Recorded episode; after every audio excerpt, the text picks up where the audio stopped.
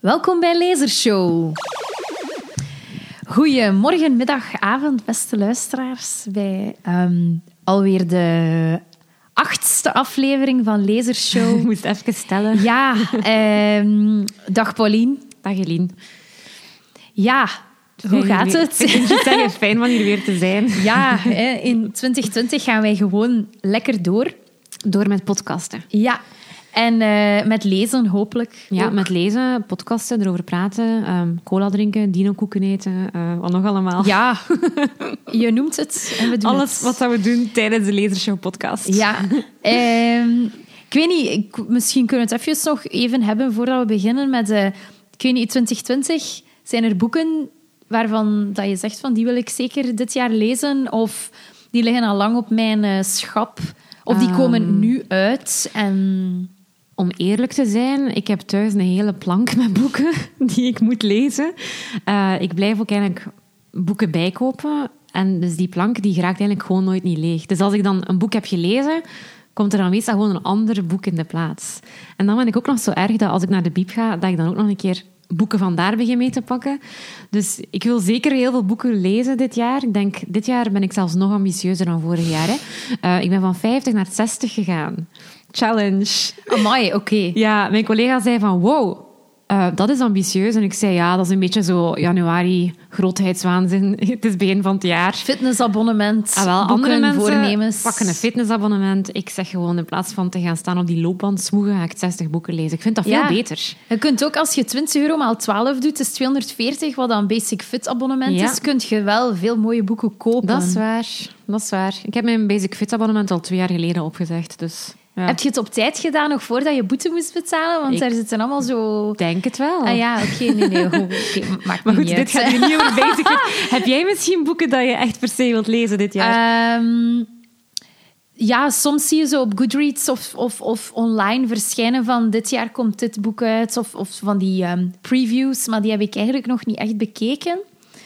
Ehm, nee, ik kan nu niet meteen op iets komen. Ik heb altijd wel ergens nog een lijstje gemaakt online of ergens opgeschreven of wat er in mijn Goodreads. boekenkast staat. Want zoals dat je zegt, ehm, ik koop altijd dingen bij en ik heb nooit alles al gelezen dat er staat in mijn boekenkast. Ja. Of dan ga ik toch nog naar de bibliotheek om een boek te lenen dat ik dan niet heb gekocht. Dus eh, ja. Bij mij zijn ook het probleem is, mijn lijstjes zijn een beetje ehm, all over the place. Zo, ik heb een lijstje echt zo thuis op mijn muur hangen met, boeken dat ik wil lezen. Maar ik heb dan ook zo de irritante gewoonte dat als ik in een boekenwinkel ben, dat ik dan zo allemaal boeken zie dat ik graag wil lezen. En dan trek ik daar zo foto's van. Gewoon om dat te onthouden. Dus op mijn gsm heb ik dan eigenlijk ook een lijstje met foto's van boeken dat ik ooit wil kopen of in de bieb zoeken. Of dus allee, het is een beetje, dan heb ik ook nog Goodreads, waar ik ook heel veel boeken inderdaad zie passeren dat ik wil lezen. Dus ik heb zo eigenlijk verschillende plaatsen waar ik moet gaan zien ehm, om mijn boeken allee, een beetje te onthouden van welke dat ik nog wil lezen. Ja, ja, ik snap het. Ja. Ik had zo ehm, op de, eh, van de bibliotheek van Gent, de Krook, heeft een app. En dan kan je daarop een lijstjes maken. En dan zijn dat ook Ah. meteen de boeken die wel of niet in de bieb aanwezig zijn. Dus die zijn allemaal dan aangekocht door de bieb. Ik vind dat super, maar ik heb deze week gehoord van iemand die daar werkt dat die app gaat verdwijnen omdat die niet... Ja, zij moeten dat uitbesteden. eh, zij kunnen dat intern natuurlijk niet ontwikkelen. En dat is blijkbaar geen succes. En ik vond dat super jammer, want voor mij was dat echt altijd duidelijk. Oké, ja, de boeken die in deze lijst staan, die zijn allemaal Ja, ja, ja. door de bieb aangekocht. Maar het mag niet baten en ze gaan dat dus verwijderen. Die app die bestaat binnenkort niet meer. Maar wij kunnen ook zonder apps wel verder. Ja, we zullen wel verder geraken. Hè. Goed. Eh, Vandaag? Vandaag een eh, Vlaamse schrijfster. ehm, Charlotte van den Broek. ja, die ook dichteres is en nu ehm, haar eerste roman heeft uitgebracht in 2019 bij de Arbeiderspers. Waagstukken. Ja, Charlotte van den Broek. ehm, ja, wat, wat weten wij daarover? Ja, op zich niet zo heel veel, denk ik. Ik wist gewoon dat ze dichteres was en dat er twee dichtbundels bestaan, denk ik. Ehm, ja, ondertussen ben ik haar wel ook op Instagram beginnen volgen met Lasershow. Dus zie ik wel zo wat updates. En eh, nu weet ik hoe dat ze eruit ziet en zo. En ja, het is wel... Allee, het boek van Waagstukken zelf... ehm, had ik ook al heel veel zien passeren ehm, Ja. op de social media. En ook in de bibliotheek werd het zo mooi vooraan uitgesteld Ja. en zo. Dus het is wel echt een boek dat in de kijker ehm, loopt. Ja, ja, absoluut. Het was ook eh, in elke bibliotheek van Gent, hier in alle filia- filialen uitgeleend. Dus ik heb het gelukkig kunnen lenen van iemand. Ja, Maar, ik ben ook eh, echt ja. van... Mijn vaste biep was het ook constant uitgeleend. Dus ik ben echt naar Sint-Gilles moeten gaan om specifiek dat boek te gaan uitlenen. Ja. Eh, dus inderdaad, het wordt heel veel gelezen. Dat is een goed teken. Ja, ja. Ehm, over haar poëzie, heb je, ben je daarmee vertrouwd? Niet echt, nee. Ik lees, ja, het is, ik lees bitter weinig Nederlandstalige poëzie eigenlijk. En zelfs als ik poëzie lees, is het meer Engelstalig en meestal van dode dichters eigenlijk. Eh, mensen die eigenlijk al best wel langer dood zijn. Ehm, ik ben heel, heel weinig vertrouwd met zo de, de hedendaagse poëziescène, als ik eerlijk moet zijn. Ja, ik, ik ben ook niet zo vertrouwd met, eh, met, met poëzie. eh, maar ik, ik ken haar omdat zij vaak ook... Ze is ook met Saint-Amour meegegaan, bijvoorbeeld, en, en, om voor te lezen. Dus dan zie je haar naam ook veel verschijnen. Maar ehm, ook eh, een tijdje geleden gaf ik les in Aalst. En eh, toen deden ze uitgelezen op school. Zo het boekenprogramma van Vooruit dan in schoolversie. En dat was ook met Charlotte, die daar ehm, kwam voorlezen uit haar poëzie. En eh, haar gedicht, ehm, ik heb het daar net opgezocht, Boekarest is mij eigenlijk enorm bijgebleven. Moet ik het eens voorlezen? Ja, eigenlijk wel, want ik ken het niet. Ja, eh, en dan, ik dacht, wauw, daar wil ik meer van, van weten. Oké, nu Ehm, dan een snuifje poëzie bij Lezershow. Ja, voilà, ik zal het even wachten. Boekarest. Sommige plaatsen zijn zo klein dat ze in een vingertop passen. Ik probeer te wijzen waar alles is geweest, maar ik weet het zelf nog amper. Tussen het puin van het vergeten staat de boekenkast van mijn grootvader en de zondagmiddag waarop we samen de atlas lazen, zijn vinger op de hoofdstad van Roemenië. Dat men daar een schitterende verzameling hoertjes had en dat ik dacht dat een hoer zoiets als de Eiffeltoren was en hem verweet dat hij daarvan nooit een miniatuurversie voor mij meebracht. Later bleken landsgrenzen en grootvaders relatief. Enkel die middag staat in relief-alfabet in de pagina's van de atlas, als de middag waarop ik in hem nog een uitstekende gids zag. Ja, Ja, het puin van het vergeten. ja, ja, ik, eh, ja zij las dat ook heel mooi voor. En ik vond dat dat uiteindelijk is, is ehm, uitgelezen op school ook voor een, een publiek van adolescenten. En ik vind haar poëzie, of wat ik er tot nu toe van weet, allee, het is niet, hoe zeg je dat, hermetisch. Het is toegankelijk. Ja, Ja. ik denk het wel. Oké. Ja. Ja, voor mij was het de eerste kennismaking eigenlijk, ehm, haar, haar boek Waagstukken. Ik ging zeggen haar fictie, maar het is zo, ja, kunt je het eigenlijk fictie noemen? Ja, het wordt een bundel van Ja. essays genoemd. Het stond bij in Muntpunt in Brussel stond het wel echt bij de fictie. Terwijl, ja, ik, ik denk soms, want het is een beetje een, een tussenvorm misschien ook. Ja, Het zijn essays. Ja, misschien moeten we een beetje vertellen. Het, is, het zijn eigenlijk, ehm, eigenlijk aparte hoofdstukjes. Dertien zijn het er, denk ik. Ehm, en het gaat dus eigenlijk over ehm, architecten die ehm, zelfmoord gepleegd hebben of zouden gepleegd hebben. Het is soms niet helemaal duidelijk. En ze onderzoekt eigenlijk de, ja, de connectie tussen hun, hun waagstukken, hun gebouwen die ehm, heel vaak fouten bevatten of die heel vaak niet goed afgelopen zijn. En of dat er dan eigenlijk verband is eigenlijk bijvoorbeeld tussen dat waagstuk, het ding dat niet goed is afgelopen, en die zelfmoord. Ehm, onder andere, want er zit veel meer in dan dat. Hè. ja. ja. Ehm, en dat is dan- een korte samenvatting misschien van, Ja, dat klopt, van het ja. boek of van het concept eigenlijk van haar, van haar boek. Ja, ja, ja volledig. En, en dan daartussen heb je de beschouwingen die zij zelf maakt over haar schrijverschap, over haar leven, over ja, hoe, hoe gaat je als kunstenaar om met wat dat je naar buiten brengt en hoe bepaalt dat je, je eigen geluk of, of En met Ja. falen en, En het falen, niet eh, succesvol zijn. ja, en of dat dan beter is om te stoppen eh, en waar houdt de mens op en begint de kunstenaar en ja, ik vond dat, eh, ja, dat inderdaad, het, is, het loopt in alle richtingen dan. Het gaat heel veel over, over, ja, hoe moet ik het zeggen? Ik vind er zitten heel veel feiten ook in. Ja. Dus dat is wel, eh, vond ik persoonlijk heel interessant om, om mij in te verdiepen. Ze neemt u echt mee over heel Europa naar de Verenigde Staten. En ze zegt van dit bouwwerk en mensen te vertellen of naar aanleiding van een anekdote over zichzelf of over een, een, een architect komt het gebouw erin in en, en schetst ze het verhaal. En uh, ja, ik werd er wel echt uh, mee ingetrokken. Door de vele namen en feiten leest het natuurlijk niet zo heel snel, maar dat is ook niet de bedoeling van een boek per se. Nee. En uh, ja, ja. Ik vond het ene stukje al boeiender dan het andere. Um, en ik denk, ja, misschien, dat is misschien wel, wel stom, maar ik denk zo, de, de gebouwen die ik bijvoorbeeld zelf al heb gezien, dat vond ik, allee, dat, dat, raakte mij dan meer omdat ik daar zelf heb gestaan. Bijvoorbeeld was dat ene, um, dat, dat, gebouw in Glasgow. Um, de Calvin Fort Grove? Nee. de Calvin Grove um, Art Gallery, de museum. Uh, ik weet, ik vond dat zo'n mooi gebouw. En wat, ik heb er nog altijd foto's van, van zo die um, kalkenkopjes die zo aan het plafond hangen. En ik was echt aan het denken van, ah, ga ze daarover schrijven? Ga ze daarover schrijven? Want ik heb dat gezien de eerste keer dat ik in Schotland was. Ik denk zo, goh, toch al bijna acht jaar geleden. En dan was ik daar twee jaar geleden terug in uh, Glasgow. En dan ben ik gaan kijken terug naar dat Kelvin Grove Art Museum. En die, die kopjes die zo aan het plafond hingen, die waren daar nog altijd. En ook in haar uh, stuk heeft het er even over. En ik dacht, ah ja, ja. Dus dat vond ik wel mooi, dat je zo ook dingen herkent. En ja, natuurlijk ook Wenen. Ze, ze beschrijft twee gebouwen in Wenen.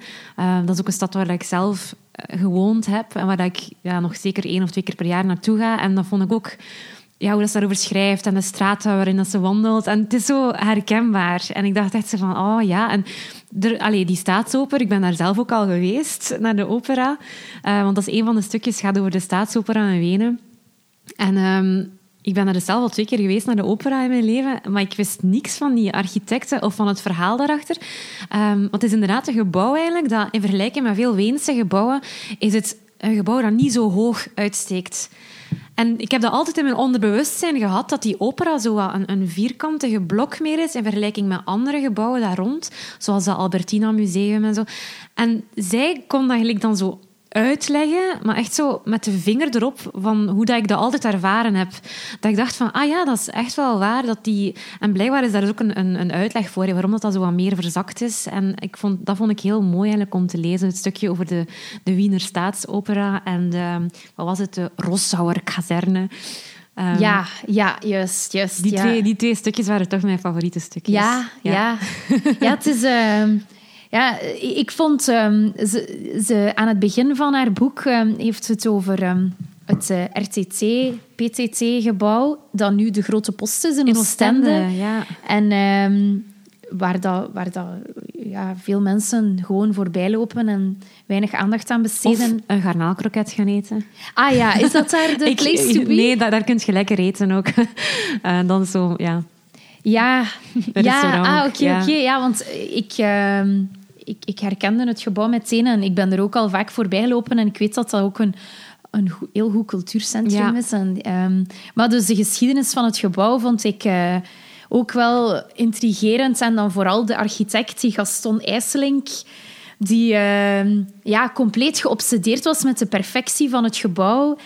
En die helaas ook zelf nooit het heeft gezien toen het af was. En dat is ook iets dat terugkeert bij verschillende architecten, dat zij nooit het resultaat hebben kunnen onder ogen komen, omdat zij ja, nog voor de afwerking soms zichzelf hadden in de, de vernieling gereden. Uh, en, en bij die Gaston IJsselink zit daar dan een liefdesverhaal tussen. Ja. Ik weet niet of dat je het je nog herinnert. Ja, ja, ja levendig. Ja, en, en dat, hij, dat, dat zij eerst denkt van ja, is dat nu omdat het over zijn gebouw gaat? Is dat de reden dat hij uit het leven is gestapt? Of is daar toch meer aan de hand en dan kan ze ergens een briefwisseling vastkrijgen, waaruit dat blijkt dat hij ook zijn geliefde een paar maanden voor zijn eigen dood was verloren. Uh, en dat was ook een deels een verboden liefde. Ze hadden beiden hun, uh, ja, echtgenotes, echtgenoten verlaten om bij elkaar te zijn en in Oostende dan te gaan wonen. Dus zij, uh, ja, toen zij stierf, zijn geliefde, wist zij al van als ik sterf, kan ik niet samen met haar begraven worden op het kerkhof, want dat is verboden. Hè. En zo verder. En ja, ik vond ook hoe dat Charlotte dan schreef, vond ik echt heel mooi. Um, Dus Gaston IJsselings, zijn vriendin, sterft dan. En dan zegt ze van... eh, op 4 oktober 1953, na een zwaar ziekbed, overlijdt zijn Pietje aan de ziekte die niet vergeeft. Zelfs Gastons koppigheid zal haar dood niet kunnen overreden zich ongedaan te maken. Ja. Ja, en zo gaat dat hele boek verder. Vind echt, de stijl vind ik echt wauw. Ja. Ik, ben echt, ik heb echt ontzag voor haar eh, kunde om de dingen zo mooi te beschrijven. Ja, het is, Ze is echt ehm, een dichteres. Als, ik, weet dat, dat wordt ook over Ocean Vuong gezegd. Dat is ook een dichter en dan schrijft hij een roman en dat is zo mooi gezegd altijd. Ik weet niet of dat je zelf ook een aantal... Eh, ik, ik, ehm, wat ik vooral aan, aan ook dacht, wat ik zo... ehm, er is een van die gebouwen ook, ik ben nu vergeten waar het was, was het in Washington, die, die cinema. De, Ja, de Knickerbockers Theater. Ja. En daar, ehm, ja, mag ik eigenlijk vertellen wat er met dat gebouw gebeurd is? Ja, waarschijnlijk. Daar, daar was dus eigenlijk ehm, een, een super harde winterstorm en er was heel veel sneeuw gevallen. En dan is eigenlijk dat, dat gebouw, of het plafond of, of het dak van dat gebouw, is eigenlijk onder die hopen sneeuw die zich hadden opgestapeld, heeft dat dak uiteindelijk begeven en is eigenlijk ingestort terwijl er een filmvertoning bezig was. En zij beschrijft dat, allee, de manier waarop dat ze dat beschreef, zo van, die was juist binnengekomen en dan was dat... En ik vond dat heel... Allee, ik dacht echt zo van, ik zag het zo voor mij. En ook, wat ik zo tragisch vond bij gebouw is, ze is daar, ze is daar naartoe geweest, ze stond dan eh, op, die, op die street corner waar, dat, waar dat, ja, die cinema gestaan heeft, maar er was niks niet meer. Hè. Er was ja, het nu- was een bank. het was ondertussen een bank geworden. En dat, dat vind ik ehm, het toffe aan dat boek ook, is dat elk hoofdstuk begint ehm, met een foto hè, van, van het gebouw eh, in kwestie. En daar was dat inderdaad zo bijna ja, een beetje tragisch, zo, zo die Polaroid van wat dat ooit echt zo een, een, een movie theater was. En dan nu gewoon zo ja, een, een lelijke bank is geworden. Ehm, dat is echt zo die tragiek van, van wat dat er soms gebeurt met gebouwen. ehm, eigenlijk zo duidelijk maakt, vond ik. Ja, Ehm. ja. ja, dat klopt. En, en ze hebben daar dan nog een ander theater opgezet, maar Ja. dan is dat dan door iemand, een aannemer of zo, ja, overgenomen. En helaas. Ja, en dan, dan die, die absolute tragedie van die, die eh, architect, die een eh, Reginald Wycliffe Gear, die dan eh 95 doden op zijn geweten zou hebben. En Ja, van- was er echt een rechtszaak over. Hè? Ja, maar Hij werd echt verantwoordelijk gehouden eh, door heel veel mensen. Ik denk ehm, slachtoffers van nabestaanden en zo. En goh, dat moet echt verschrikkelijk zijn. Hè? Maar toch, het wordt ook, je voelt ook zo. Het, het, het theater ging dan open in 1922 en dat was, dan beschrijft Charlotte ook van. Ja, hè, de filmindustrie was dan weggegaan vanuit het gebroken Europa hè, in het interbellum, verschoof dan naar eh, Amerika. En dan was er dan een zakenman, die een Harry Crandall, want het theater heet ook Crandall's Knickerbocker, dus hij had zijn naam daaraan gegeven, dat die wil investeren. En die, die architect wordt dan aangenomen en dan kan het niet rap genoeg gaan. En dan wordt ook wel gez- gezegd van ja, hij werd dan gepusht van oei, we moeten daar te lang op wachten op die ver- versteviging, dus nee. Ja, en dan voelt je van ja, dat zijn dingen die vandaag ook nog gebeuren. Zeker, ja. Ik vond het ook, allee, wat, dat je nu zo, wat dat je nu zegt, wat dat ik ook heel frappant vond als ik dat boek aan het lezen was, ik dacht vaak van, amai, Charlotte van den Broek weet zoveel. Ja. Zelfs niet alleen over die gebouwen, maar inderdaad, dan begint ze inderdaad zo uit te leggen over de filmindustrie. En er, worden, er wordt zoveel kennis samengebracht. Ik was echt zo... Ik voelde echt zo ontzag van, wow, amai, die moet echt zo een heel breed ehm, kennisspectrum hebben van Ja. over heel veel verschillende dingen eigenlijk. Ja, en ze heeft zich ook enorm verdiept in, in die archieven. Ja, dat voel je wel, hè? Ja, en ook als je dan... ehm, een van de stukken gaat ook over Malta. Ja. En dan gaat ze ook... Dan vertelt ze over het archief. Dat is een bibliotheek. de universiteit... Was dat, ah nee, was de bibliotheek? De Nationale Bibliotheek van ja. Malta. Ben jij al op Malta geweest? Nee, Ik ook niet. Ik dacht Nee, ik wel, ook oh, ik wil daar eens Ik naartoe. ja. Want ze beschrijft dan dat ze met haar vrienden daar op vakantie is. En dat, dat ze een- eten daar Dat keihard. eten ook, dat is ook iets dat ze dan zo echt zo op een gegeven moment zo culinaire dingen zitten schrijven. Dat ik echt dacht zo, mm. Ja, een heel lekkere tapas. Ja, en dan ook, want daartussen zit dan verweven ehm, de verzuchtingen van die vrienden over Ja. hun werkleven. En dan het zijn allemaal zo, denk tussen de 25 en de 30 dat ze zijn. En sommigen hebben net een andere job gekozen of hebben dan toch voor het artistieke gekozen en niet voor de zekerheid. En En de relaties tussen mensen staan daardoor een beetje onder spanning. En dat wordt allemaal tijdens dat eten beschreven. En terwijl gaat het ook over, Over bibliotheek en, en de over- bibliotheek. Ze Ja. maakt echt, ze springt soms of ze, ze pingpongt zo van het ene naar Ja. het andere. Maar die, die passage van als ze maar vrienden aan het eten is en die discussie aan tafel, had ik ook zo'n uitroepteken bijgeplaatst. Eh dan is er zo een vriendin van haar die zo... die, die, die merkt dan zo op van... Ja, dat is wel tof, hè, dat je zo kunt reisjes, reizen voor, allee, in functie van je boek of van je schrijven. En ik dacht van, eigenlijk is dat zo een beetje een, een jaloerse, bitchy opmerking, een beetje. Eh, van, allee, dat is wel hey, ja, tof als je zo kunt rondreizen om voor je boek te schrijven en Ja. research te doen. Ja, want ze, ze schrijft dan van... Ik nam het aan als een compliment Ja. of zo. ik dacht, goed zo, Charlotte. Ja, ja.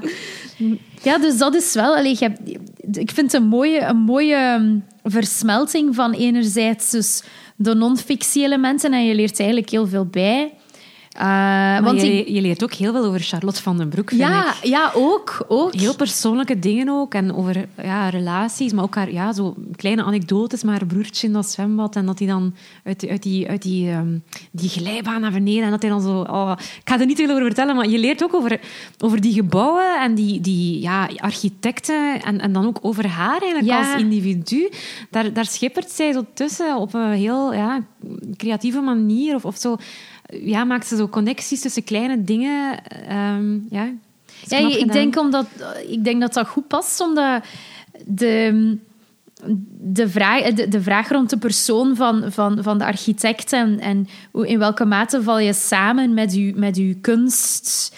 En, en natuurlijk, die architecten en hun zelfmoorden zijn vaak het bewijs van dat zij bijna samenvallen met wie zij zijn als persoon. Dat dat dan ook past bij haar getuigenissen, dat je een soort door- doorsnede hebt waar dat zij dan als kunstenares samenvalt met hun. En dat, dat de persoonlijkheden dan... eh, Versta je wat ik wil Ja, zeggen? ja, Dat, dat dat allemaal een soort continuum is waar dat die ja, zich op bevinden dan. Ja, nee, dat is waar. Eh, Ja, Eh, ja en ja, ik, ik, ik ben echt... Ik moet zeggen, als ik zo... Ik ben echt vol lof. Ik, was, Ja. ik, ik heb het ook op heel korte tijd gelezen, ondanks het feit dat het wel dens kan zijn op bepaalde momenten. Ehm, Ja, je zou eigenlijk perfect ook kunnen zeggen van ik ga elke dag een stukje lezen. De stukjes staan wel los van elkaar, maar ik, allee, er, loopt ook wel een zekere draad door. Hè? Maar Ja. het is, het Ik is- zou ze niet door elkaar lezen. ik ook niet. Maar je kan wel zo een keer zeggen van ik zou bijvoorbeeld elke dag een, een stukje lezen. Ja. Bijvoorbeeld. Eh, want ik heb het ook doorgelezen eigenlijk, maar het zou ook mooi zijn denk ik, om er wat meer tijd voor te nemen en er wat, er wat meer zo die beslomeringen en zo meer zo die gedachten die erin zitten, zo wat meer tijd te geven. Ja, ja. Ah. om nog meer zo die taal te savoureren die ze gebruikt. Hè. Ehm, ja, zijn, want ik heb, ik heb overal... Ik heb veel notities genomen, echt. Ik zie het. Ja, ik had zo van... Amai, en dat is... En dat, ah, wat ik, wat ik boeiend vond, is dat... Allee, ik maakte die bedenking ook als ik, als ik dan keek in de lijst van architecten. Ja, ik dacht, ja, dat zijn allemaal eh, mannen. Allemaal witte mannen. En dan op een bepaald moment, dus in die Kellinggrove galerij Ja. in, in Glasgow, dan is er een, een, een andere vrouw die haar daar rondleidt en die dan aan haar zegt van, hè, hoeveel vrouwelijke architecten ken jij?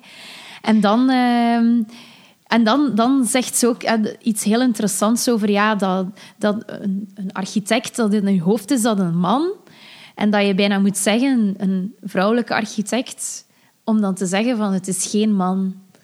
En zij zegt dan van hè, de minderheid moet benoemd worden alsof het bepalend is voor hun werk. Effectief is het in ieder geval. Het benoemen als minderheid maakt het werk van vrouwen onschadelijk, omdat het dan vanuit die bepaling als minderheid bekeken wordt.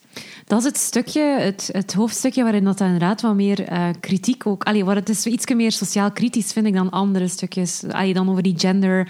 ehm, ja, die, Ja. die gender-invalhoek zit er wat meer in. Hè. Ook door die mevrouw die haar rondleidt Ja, in de Calvin ja. Grove Art Museum.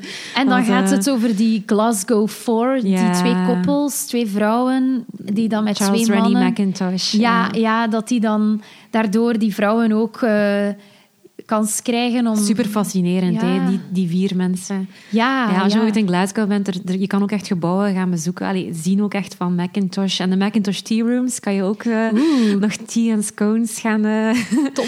ja, is, ik vond, er zaten heel veel ehm, dingen in ja, dat, dat, dat mij raakten. Ook omdat, omdat het dingen zijn dat ik kende of dat ik al gezien had, persoonlijk, denk ik. Ja, Ik vraag hem, ja, like dat ik zei, ik denk zo de stukjes die gaan over steden of gebouwen of, of inderdaad personen dat ik zelf ook al ken, raakten mij misschien net ietsje meer dan, dan de dingen dat ik volledig niet, of waar je niet direct een band mee hebt. Ja, ik begrijp u. Maar voor mij was het... eh allee, er zijn een aantal dingen die zich in Schotland afspelen. Dan ehm, in Rome...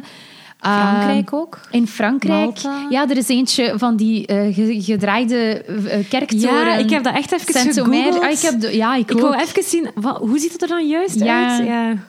Maar inderdaad, ja, ik begrijp... Allee, ik ben zelf enkel, enkel in Oostende. ik Ik ben wel al eens... nooit gaan ben- zwemmen in dat zwembad van, eh, waar is het? Eh, Ah, in Turnhout. Ja, daar begint het mee ook, hè. Het begint dicht bij Ehm, huis, inderdaad, en ze eindigt eigenlijk in de USA. Ja, Ja, dat laatste stukje met die, ehm, die eh, sculpture garden van die ene dat was heel vreemd. rare kunstenaar. Ja, Ja. Dat vond ik ook fascinerend. En zijn zus die dan zo wakko werd. Ja, die zegt van... Koffie Annan heeft op mij ook een aanslag willen plegen. Die is zo compleet delusional. Ja, en dat, dat, dat ze dan zo naar, dat, naar die, ehm, onder, die onderste ruimte gaat. Ah, ja, met en dat er opeens een keiveel water Maar dat binnen is volgens mij... Ik denk dat ze Ja, een cirkel rond Tuurlijk, maakt. dit is dan meer zo... Maar ik vond dat wel eh, mooi gedaan. Want ik, eerst was ik echt zo mee van... Ik hey, is daar. En dan dacht ik, ah nee, dit is hier een symbolisch einde. Ze werkt hier echt. Ik dacht, wow, hoe gedaan. Ja, dat was goed, hè? Ja. Want eerst was ik echt zo van... Oh, ah nee, het is niet serieus. Ja, ik, ik dacht dat ook, ja.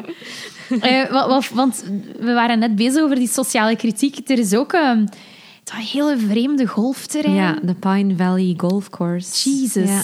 Maar eh, Ah, bij welke staat was dat? dat was wel... Ik denk... Was dat... Het was over New Jersey, Philadelphia. Ik denk dat het ergens op de grens ligt. Ik weet het en niet meer, ja. De vrouwen zijn niet toegelaten op het golfterrein. Tenzij je uitgenodigd wordt door een man, dan mag Ja. je wel binnen. En dan staat daar zo in van... Dan, dan gaat, Charlotte gaat daar dus naartoe, maar ze heeft weinig notie, denk ik, van wat daar binnen is. Want dat is ook een gemeente, maar die gemeente is eigenlijk het golfterrein. Maar die hebben dan ook politie, brandweer, gewoon om zich te kunnen indekken. Ehm, en dan is daar iemand op dat terrein aanwezig, in het dorp. En dan zegt hij zo van, eh, ja, vrouwen zijn niet toegelaten hier. Ehm, het is voor hun eigen bestwil. en ik dacht zo... What? En ik zag zo al meteen Trump daar golfen. Want wie dan- weet, wie ja, weet. het is super top secret. Hè? Ja. Dus nog tot op vandaag. Dat vond ik ook wel goed, dat ze daar eigenlijk helemaal naartoe is gereisd. En dat ze dan eigenlijk het, het niet gezien heeft gekregen. Hè. Nee. Dat vond ik echt... Ik kon de frustratie voelen bijna, hè, dat je daar Ja. staat en Ik weet dat je niet daar als dan je niet het- binnen moogt. Of dat je, als je het... Ah, het, het- het is denk ik in New Jersey. Ah, ja. Een zeer besloten golfclub in het zuiden van New Jersey. Je kunt wel foto's zien op Google, hoor. Ja, maar dat is niet hetzelfde. Dat is niet hetzelfde, hè. Nee, nee. Eh, ja, en dat bevindt zich ergens in een groot woud. In Pine, Pine Valley, ja. Ja, Pine ze, Barrens. ze loopt daar dan ook rond in dat, in dat ja, bos. Ja. Zo, zo, omdat ze anders niks kan, gaat ze zo hiken. ja, nee, wel, en dan, dan zeggen ze ook van... eh, dat daar eigenlijk alleen maar voornamelijk mensen met de helikopter worden gedropt. Oh, of dat ja. die dan zo kapotte, lelijke auto's gebruiken om zo anoniem mogelijk naar de golf eh, te rijden. Ja. Ja, nee, dat vond ik ook wel eh, fascinerend. Eh, een geheime club. Ja, Het, het deed mij vaak denken, ehm, zo de stijl en zo de opzet van het boek, aan het werk van ehm, Olivia Lang. Dat is ook iemand waar ik... Gezondheid. pardon, dank u. Dat is ook iemand waar ik eh, eigenlijk echt heel fan van ben. En, en dat ik heel veel van eigenlijk bijna alles al gelezen heb. Ehm, en ik wou die ook even erbij betrekken, eigenlijk, omdat ik echt wel vond dat... ja, dat, dat, dat deed me er echt aan denken. Olivia Lang is, een, Britse schrijfster. En ehm, die heeft eigenlijk eh, drie eigenlijk boeken geschreven die ook een beetje zijn zoals waagstukken. En dan heeft ze nu ook een fictie, echt een, een roman uitgebracht, Crudo. Ehm, en haar eerste boek, To the River, ehm, naar de rivier, is eigenlijk de opzet... Ik zeg het, toen mij er zo hard aan denken, is eigenlijk... dat, is uit het jaar 2011. En het is ook bij elk... Ik zal het u tonen. Bij elk hoofdstukje is er ook een foto. Echt zoals bij waagstukken eigenlijk. Ehm, wacht, hè. Dus het begint ook altijd met zo'n zwart-wit foto bij elk hoofdstuk. En ze gaat eigenlijk... ehm, ze volgt eigenlijk de rivier in de UK waar dat Virginia Woolf zichzelf in verdronken heeft. Eh, en wanneer was dat? Ah, ja. 1941. Dus ze volgt eigenlijk... Ze gaat van, van de bron... of De mon, eh, hoe noemt dat? De monding? monding. Ja, naar eigenlijk waar dat die uitstroomt in Dat de... is de monding. Ja, dus ze gaat van bron naar Ja. monding, het was dat. Eh, en ze wandelt eigenlijk langs die rivier. En ondertussen ja, denkt ze na en filosofeert ze zo over water en, en rivieren en het, het nut of, het, of de functie daarvan ehm, in, in mensenlevens, ehm, ook in literatuur. Eh, er wordt dan bijvoorbeeld zo Wind in the Willows, ik weet niet of je dat Ja. kent, en, en Iris Murdoch en zo. Ehm, en ook naar haar eigen leven toe. Dus het is eigenlijk een beetje dezelfde, dezelfde soort van, van, van combinatie van elementen eigenlijk dat ze heeft. Haar tweede boek dan, Het uitstapje naar Echo Spring, waarom schrijvers drinken, Ehm, gaat eigenlijk over, over de, de relatie tussen schrijvers en, en alcohol. Omdat zij zelf ook een familie heeft waar dat... Olivia Lang dus ook een familie heeft waar alcohol een, een ja, niet zo'n goede rol heeft gespeeld, zal, ik maar zeggen, heeft ze dan eigenlijk, ehm, is ze op zoek gegaan naar de connectie tussen schrijvers en alcohol. En, en ze heeft dan eigenlijk, denk ik, een stuk of zes ja, beroemde schrijvende dronkaards eruit gekozen. En ze is naar die plekken gegaan. Bijvoorbeeld Hemingway, Key West, Florida, eh, Tennessee Williams, ehm, F. Scott Fitzgerald eh, van The Great Gatsby. En dat boek is eigenlijk, ja, ze beschrijft dan die levens van die schrijvers, eh, hun drankproblemen. Dan maakt ze ook linken naar haar eigen familie en haar eigen geschiedenis. En ook weer met foto's erin. Ehm, iedere keer zo ja, foto's van Hemingway en Fitzgerald. Ehm, Ja, ja. ja, ik zal het u een keer. Het is echt, dat zijn ik heel weet dat je daar wild van bent. Hè? Ik moet dat... ehm, ik zou ben er moeten... wild van. Ja, ah, ja, ja. ja. Dat klinkt zo. Nee, nee, maar dat is het, dat is het toch zo. Ehm, Ja, ze gaat dan echt op reis en ze dompelt zich onder in die levens van die, van die, van die bekende mannelijke schrijfsters. Wel. Eh, schrijvers zijn ook echt mannen weer hier. Maar ja, haar eerste boek gaat eigenlijk over Virginia Woolf vooral, dus allee, we vergeven het haar. Maar het is, ja, het is heel, ehm, heel mooi, zo die, die evenwichtsoefening tussen bekende levens van schrijvers, kunst, schrijven, alcohol en dan ook weer iedere keer haar eigen bagage dat ze meeneemt.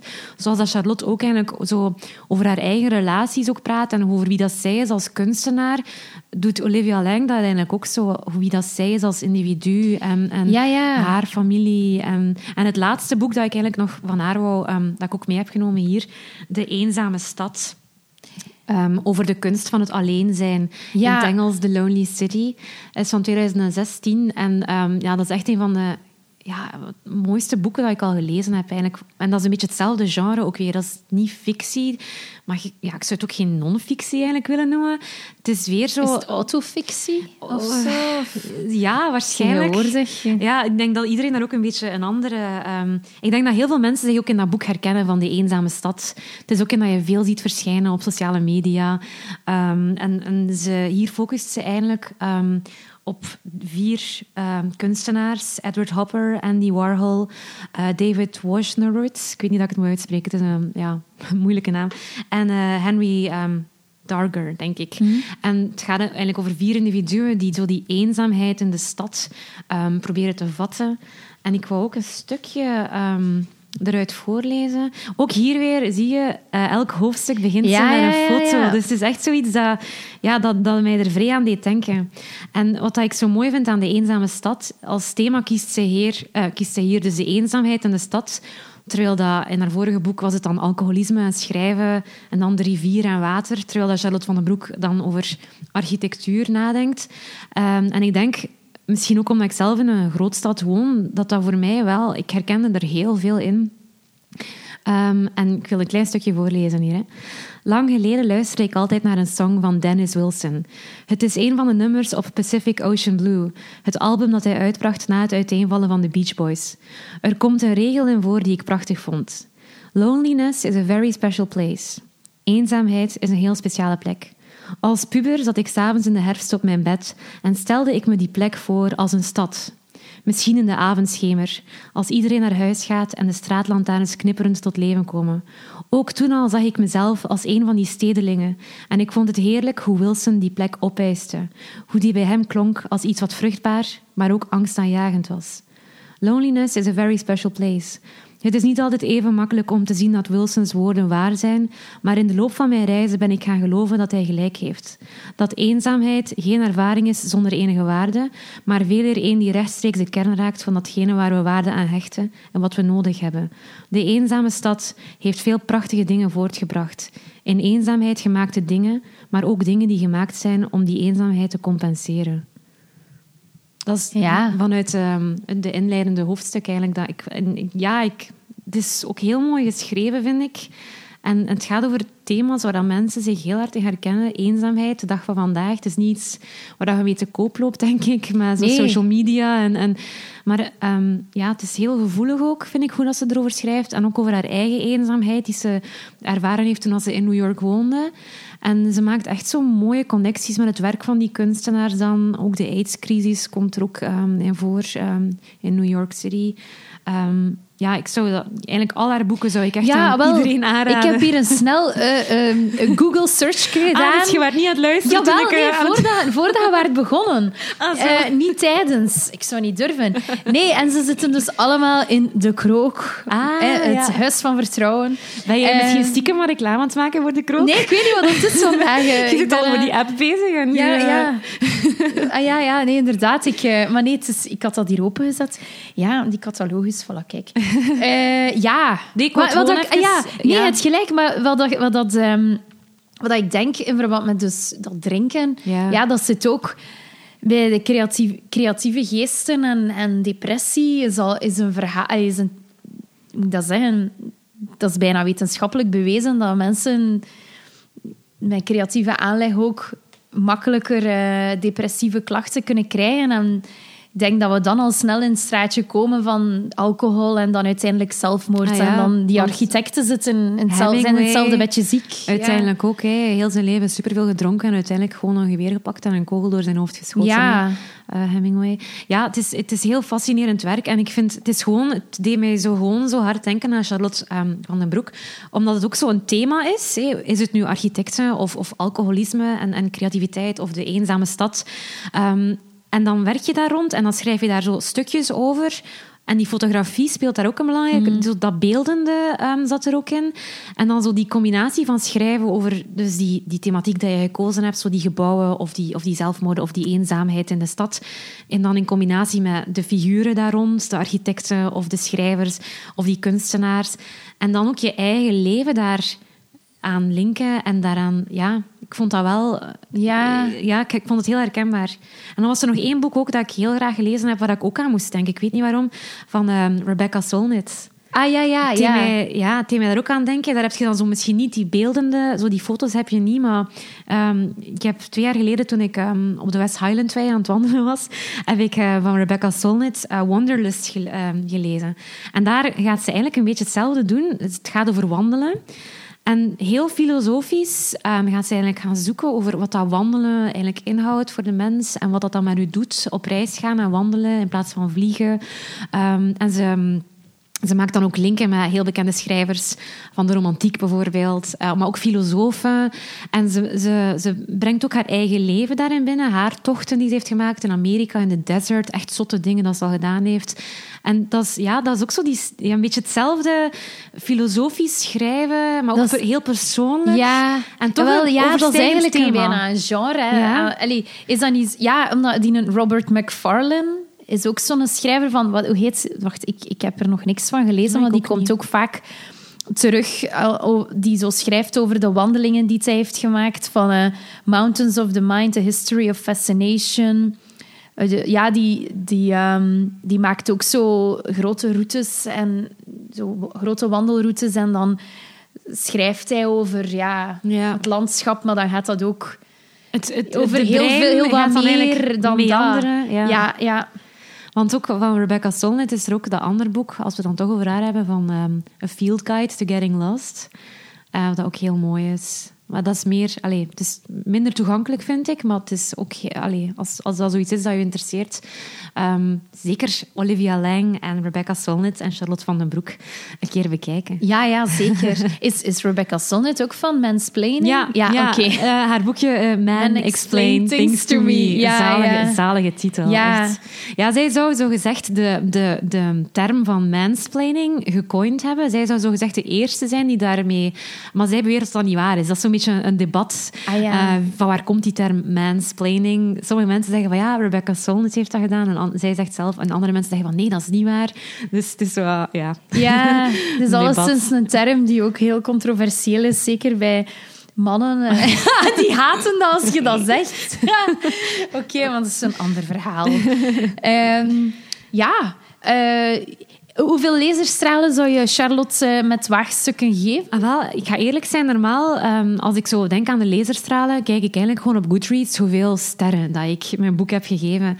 En toen ik ehm, waagstukken uit had, ben ik, ik heb het ook op Goodreads gezet, ehm, dat ik het gelezen heb. En ik heb voor de eerste keer, denk ik, het stukje van sterren geven overgeslaan. Ah ja, Dus ik heb dat is geen- goed, want als ik dan na u kom, dan kan ik dat niet zien, want dat was bij een ander boek wel en dan was ik beïnvloed op voorhand. Sorry. Ja, Nee, het was, ik heb het eigenlijk niet voor die reden overgeslaan, maar gewoon omdat ik het eigenlijk niet kon. Om, om, ik, het, het beoordelen Ja, op sterren, ik vind dat ook soms want- zo be- be- ja, ja, beperkend. Want heel vaak geef ik dan zo sterren op van... Ja, het verhaal was keigoed. Of, of die stijl lag mij echt. Maar hier, omdat dat zo out of the box is en niet een, een klassiek boek... Vond ik dat gelijk mm, zo van... Nee, ik wil dat niet doen. Oké. dus, maar we kunnen... Hoe, heb jij nagedacht over laserstralen? Oh, nee. Ah, ja. ja. jawel, jawel, jawel. Ik dacht, ja, vier, vier en een half. Ja, vijf. Ja, vijf is...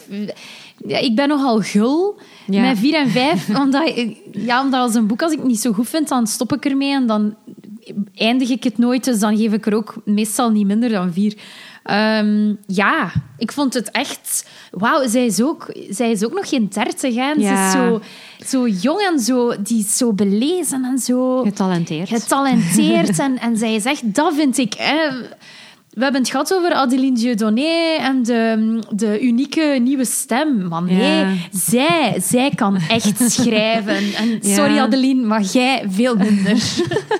Maar Adeline kan ook schrijven. Ja, maar anders En, en heel mooi, kom. maar het is, het is een ander... Een, Dat is niet, ja, Ja. dat is... Ja, de quote dat je zei is ze, eh, dat Adeline Dieudonné ehm, vertegenwoordigt de krachtige stem van een nieuwe jonge generatie. Ja. Dat vind je dan eerder bij Charlotte van den Broek passen of zo. Nee, Ja, ja. Nee, en ook het... het eh, want dan het, het woord waagstukken... Ja. wordt dan ook, is er ook een heel mooie passage. Ik ga het nog even voorlezen, Ja. Polly.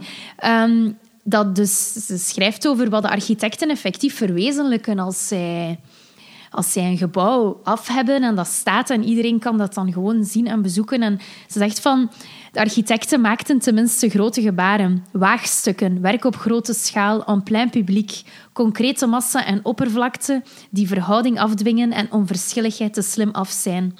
Een architect die faalt in de openbare ruimte, faalt onverholen voor duizenden ogen. En dat gedurende een langere periode in de tijd.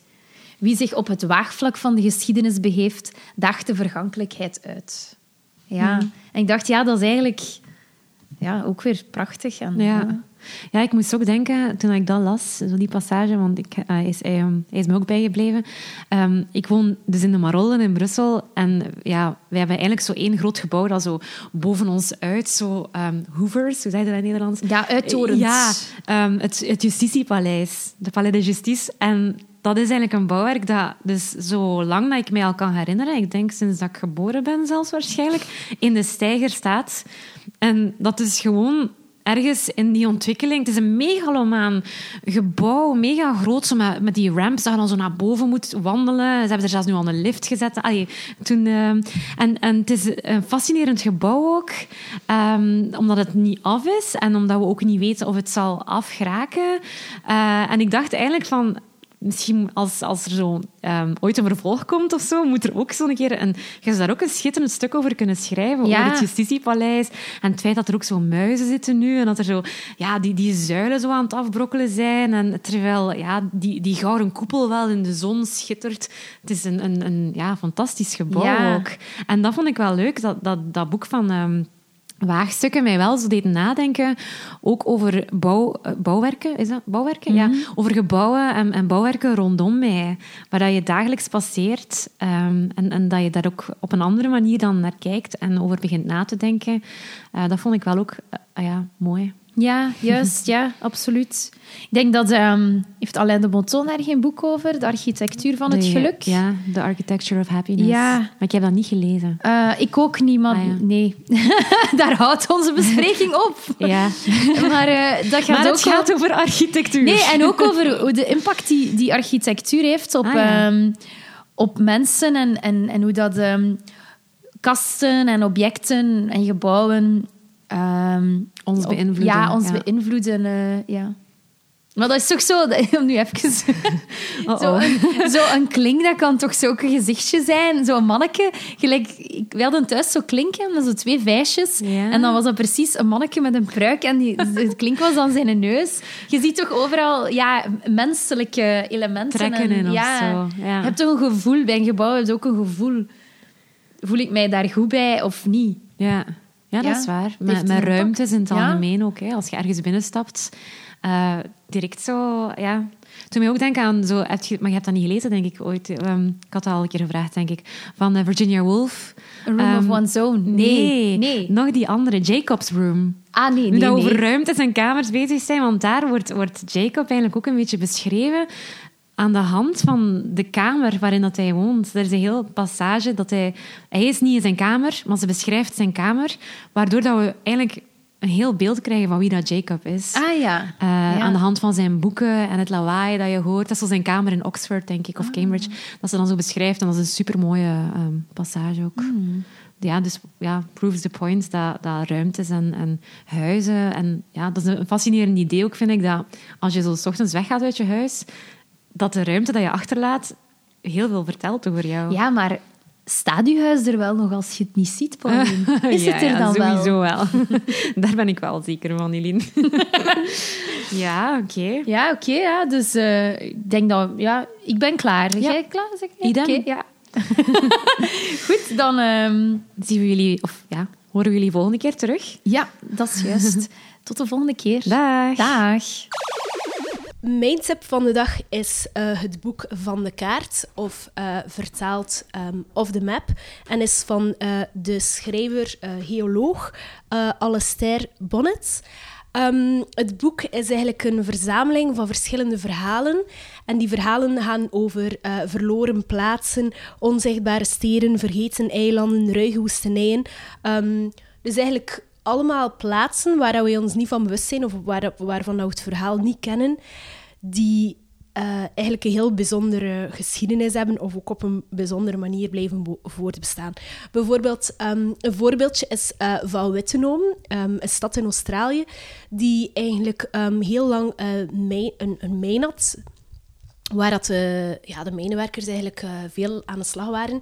En dan op een dag hebben ze eigenlijk beseft, eh, rond de jaren eh 60, dat er daar heel veel blauwe asbest aanwezig was. Dus dan heeft de Australische regering ook besloten om eigenlijk heel die stad te ontruimen. Ehm, ja, er waren natuurlijk altijd een paar bewoners die, eh, die niet mee wilden en die dan eigenlijk ook koppig daar nog een aantal jaren geleefd hebben. Dat was ongeveer een stadje van eh 20.000 inwoners. En hoe heeft de ehm, Australische regering dat opgelost? Is eigenlijk dat zij geprobeerd hebben om die stad volledig van de kaart te halen. Dus alle bewegwijzering, ehm, alle eh, verwijzing naar dat die stad eigenlijk aanwezig is, hebben ze gewoon eh, verwijderd. Dus waardoor dat het eigenlijk ehm, ja, dat die stad niet meer echt te bereiken is, want dat er eigenlijk niks eh, van aanwijzingen meer zijn. Een ander, een ander bijvoorbeeld is bijvoorbeeld over ehm, ja, vergeten eilanden of stukken grond die eigenlijk ehm, ja, verlaten zijn en die eigenlijk een soort van niemandsland zijn. Die liggen tussen twee grenzen en die nog tot het ene, nog tot het andere land behoren. Ehm, een ander voorbeeld zijn bijvoorbeeld ook de ghost towns in eh, China. Echt steden die eigenlijk uh, uit de grond uh, verrijzen. Uh, via projectontwikkelaars, maar dan uiteindelijk blijkt er eigenlijk geen geld meer te zijn. Dus um, ja, wordt de bouw daarvan gestopt. En uiteindelijk zijn er geen mensen die, uh, die eigenlijk ook het geld hebben om daar effectief te gaan wonen. Dus eigenlijk zo'n verhalen en heel veel andere verhalen komen daarin aan bod. En het is heel, uh, heel tof geschreven, ook met een stukje filosofie eraan gekoppeld. En het zijn ook allemaal kort verhalen, wat dat dus heel aangenaam is om te lezen. Dus bij deze echt een tip.